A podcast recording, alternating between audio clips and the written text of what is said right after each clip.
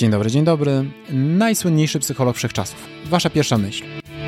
Podejrzewam, że w wielu przypadkach brzmiała Zygmunt Freud.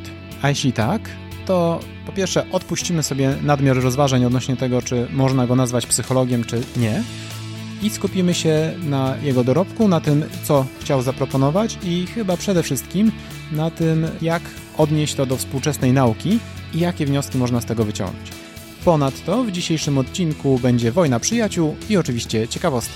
Nazywam się Mirosław Brejwo, jestem psychologiem, prowadzę gabinet wsparcia i doradztwa psychologicznego w Gdańsku i online, o którym dowiecie się więcej ze strony brejwo.pl, a to jest 14 odcinek podcastu Psychologia, którą warto znać. Rozdział pierwszy. Freud wczoraj. Pozwólcie, że nie będę Was zalewał morzem encyklopedycznej informacji, a jedynie powiem o kilku rzeczach, które są Wam potrzebne do tego, żeby mieć odpowiedni kontekst do naszej dalszej historii. Zygmunt Freud e, nazywał się tak naprawdę Sigismund Schlomo Freud i urodził się w 1856 roku, a zmarł w 1939.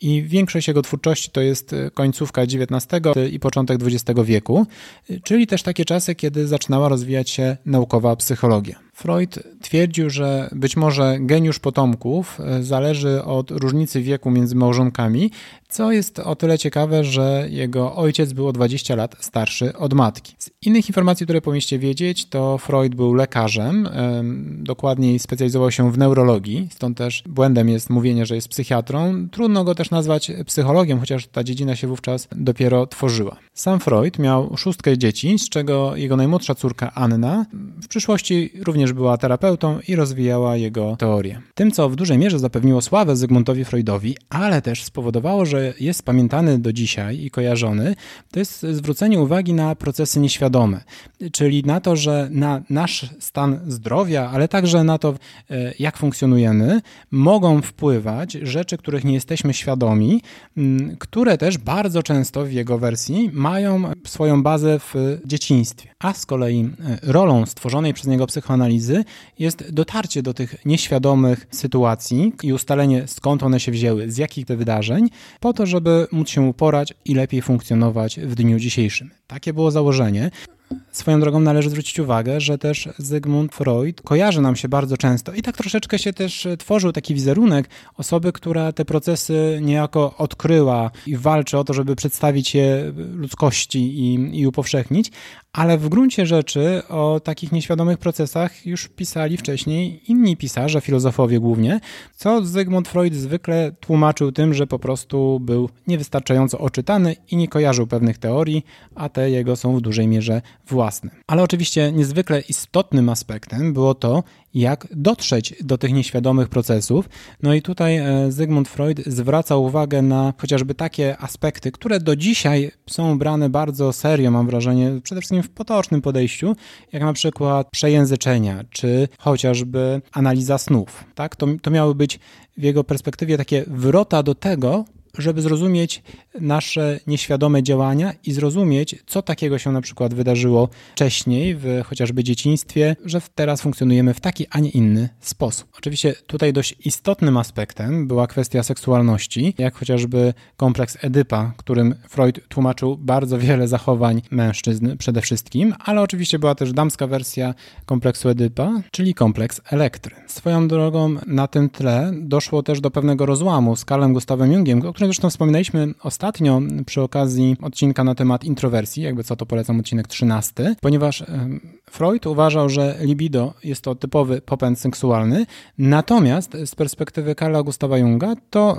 on starał się do tego podchodzić raczej jako do takiej energii życiowej. No i to też spowodowało, że ich drogi się rozeszły, pomimo tego, że do tamtego momentu Jung był uczniem Freuda i też Freud często go przedstawiał jako e, takiego swojego następcę tronu w świecie psychoanalizy. Co ciekawe, nie, nie był to jedyny taki e, spór publiczny, powiedzmy, z przyjacielem, ponieważ równie głośny był spór z Wilhelmem Flissem, również lekarzem, z którym Freud się przyjaźnił i przez długi czas korespondował na tematy różnych swoich koncepcji, zarówno Freuda, jak i Flissa.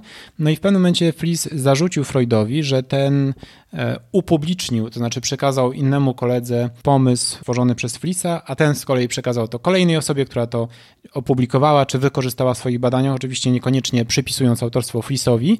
No i wówczas e, pan Wilhelm, żeby to udowodnić, upublicznił też część korespondencji z Zygmuntem Freudem, co oczywiście zakończyło dość skutecznie ich przyjaźń. A wracając do nieświadomych procesów, oczywiście w ich uspójnieniu dość istotną rolę odegrała zaproponowana przez Freuda struktura osobowości, czyli ten podział, który podejrzewam jest wam znany, przynajmniej słyszeliście już o nim kiedyś, czyli taki podział na id, ego i superego. Koncepcje tworzone przez Freuda, które oczywiście przedstawiłem tutaj w takim dość ogólnym zarysie, no bo to też nie jest do końca cel tego odcinka, żeby się w to jakoś nadmiernie wdrażać, choć początkowo nie robiły wielkiej furory, no to jednak z czasem, i tutaj też spora zasługa samego Freuda, który można powiedzieć dbał o swój marketing, y, zapewniły mu miano niemalże celebryty tamtych czasów. Nawet istnieją pogłoski, że Hollywood chciało się o Freuda upomnieć i jakby zachęcało go sporymi kwotami do tego, żeby napisał scenariusz e, do filmu, natomiast e,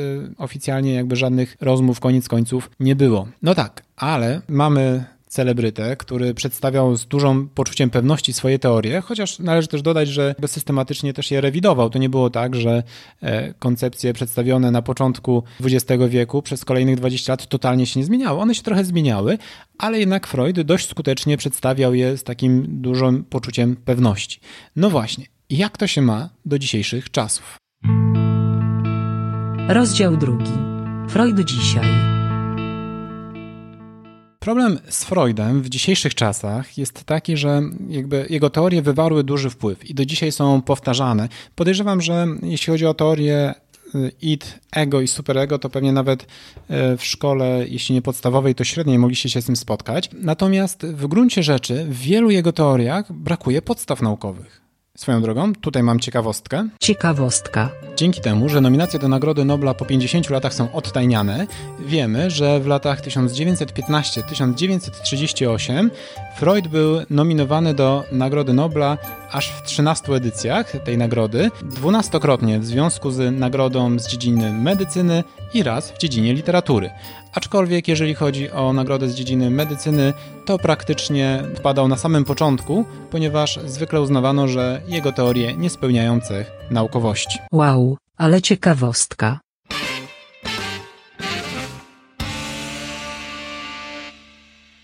I, I to jest duży zarzut, bo o ile dość naturalnym jest to, że różne rzeczy inspirują, także prywatne doświadczenia mogą inspirować naukowców do tworzenia badań, do rozwijania różnych teorii i to jest całkowicie w porządku.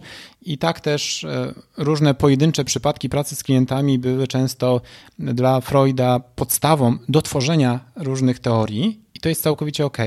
Tyle tylko, że wiele tych teorii e, nie spełnia podstaw naukowości. To znaczy, e, teoria naukowa z założenia powinna dać się obalić, a wiele teorii Freuda jest taki, że w zasadzie trudno jest je w jakikolwiek sposób y, empirycznie zweryfikować. Co więcej, dokumenty Freuda, odtajnione po wielu latach od jego śmierci, dokładnie 46, czyli w 1985 roku, pokazały, że część rzeczy, które opisywał Freud, lekko mówiąc, było dość mocno naciąganych. To znaczy, zdarzały mu się przypadki, w których wyciągał wnioski w oparciu o zdecydowanie mniej przypadków, niż by to sugerował. Co więcej, bywało, że na przykład podkoloryzowywał przebieg pracy nad poszczególnymi przypadkami po to, żeby pasowało to do jego teorii. Tutaj oczywiście bardzo słynnym przypadkiem był przypadek tak zwanego człowieka wilka, czyli Siergieja Pankiejewa, którego Freud uważał, że wyleczył i taka była oficjalna jego wersja w różnych publikacjach. No okazało się, że wręcz przeciwnie, to znaczy jego objawy raczej się nasiliły, a również e, to wracanie do przeszłości, gdzie Freud odkrył, że wiele problemów Pankiejewa bierze się z tego, że w dzieciństwie widział stosunek płciowy swoich rodziców, najprawdopodobniej w ogóle nie miało miejsca, a sam Freud raczej to wmówił klientowi, więc i diagnoza była zupełnie błędna. O tym, że coś tu było na rzeczy, też mogą dowodzić niektóre źródła, które twierdzą, że Towarzystwo Psychoanalityczne płaciło przez długi czas rentę Pankiejewowi po to, żeby nie mówił za bardzo o tym, jak przebiegła ta terapia. Oczywiście, ile jasności, błędy w procesie naukowym, w procesie tworzenia różnych teorii są rzeczą naturalną i mogą się zdarzać, natomiast e, wątpliwości etyczne budzi z całą pewnością ukrywanie tych błędów, tudzież podkoloryzowywanie informacji w taki sposób, żeby były takie, jak autor sobie ich życzył. Mm, tak więc z perspektywy dzisiejszej większość teorii Freuda nie ma zbyt wielkiej wartości, raczej jako podstawa do pewnych rozważań teoretycznych e, i filozoficznych. Co do części z kolei trudno się odnieść, ponieważ są trudne do zweryfikowania. Nie chciałbym przedstawiać tutaj takiego zupełnie mrocznego obrazu Freuda, bo jednak jego teorie przyczyniły się do tworzenia nowych, kolejnych teorii. Wygląda proces nauki, tak, że tworzy się jakaś teoria bazowa, po czym ktoś stara się ją podważyć, uzupełnić, ulepszyć. No i to też był taki punkt wyjścia, więc o ile dzisiaj e, wiele tych założeń nie ma już wielkiej racji bytu, no to jednak jako baza do dyskusji, czy nawet samego rozmawiania o stanie zdrowia psychicznego ludzi i o, tego, o tym, że e, można próbować coś z tym zrobić, to bez wątpienia był bardzo cenny punkt działalności Freuda. Natomiast jest to jednocześnie świetna okazja do tego, żeby zwrócić uwagę na kwestię podejścia naukowego, to znaczy na to, żeby zwracać uwagę jeżeli czytamy jakieś teorie, to żeby zobaczyć, czy one są w jakiś sposób faktycznie weryfikowane, czy to w większej mierze jest widzimisię twórcy czy autora. Również ważne jest w przypadku psychologii, która jednak bardzo szybko się rozwija, weryfikowanie tego, z jakich lat są poszczególne teorie. No bo na przykład teorie Freuda mają już lekko licząc, no powiedzmy prawie 100 lat, albo i nawet więcej niż 100 lat. E, no i troszeczkę się zdezaktualizowały, a jednak często przyjmuje się, że no, ta teoria 50 lat temu działała i uważaliśmy, że jest ok, to nadal powinniśmy uważać, że jest ok. No a to tak nie działa. Podsumowując, teorie Freuda wywarły duży, wręcz ogromny wpływ na rozwój psychologii, ale w ogóle również na popkulturę. Do dzisiaj przecież psychologia kojarzy się z kozetkami. Chociaż dzisiaj oczywiście nie miałoby już większego sensu e, prowadzenie terapii czy psychoanalizy w oparciu o tylko i wyłącznie niezaktualizowane teorię Zygmunta Freuda. I to, co warto wyciągnąć też z tego odcinka, no to właśnie, żeby zwracać uwagę na to, czy dane teorie, w oparciu o które prowadzi się, prowadzone są różne działania, czy w oparciu o które chcemy się rozwijać, mają podstawy naukowe. Czy nie jest tak, że one są stworzone w oparciu o jakiś jeden przypadek, który przytrafił się naukowcowi i który rozszerzył to na dużą skalę, tylko czy były to rzetelne rzetelnie przeprowadzone badania. Ok, dziękuję Wam za wysłuchanie dzisiejszego odcinka. Mam nadzieję, że był dla Was wartościowy. Już za dwa tygodnie, czyli 27 lipca, wracamy do takich bardzo, bardzo praktycznych odcinków, czyli skupimy się na tym, jak skutecznie wprowadzać zmiany. Do usłyszenia.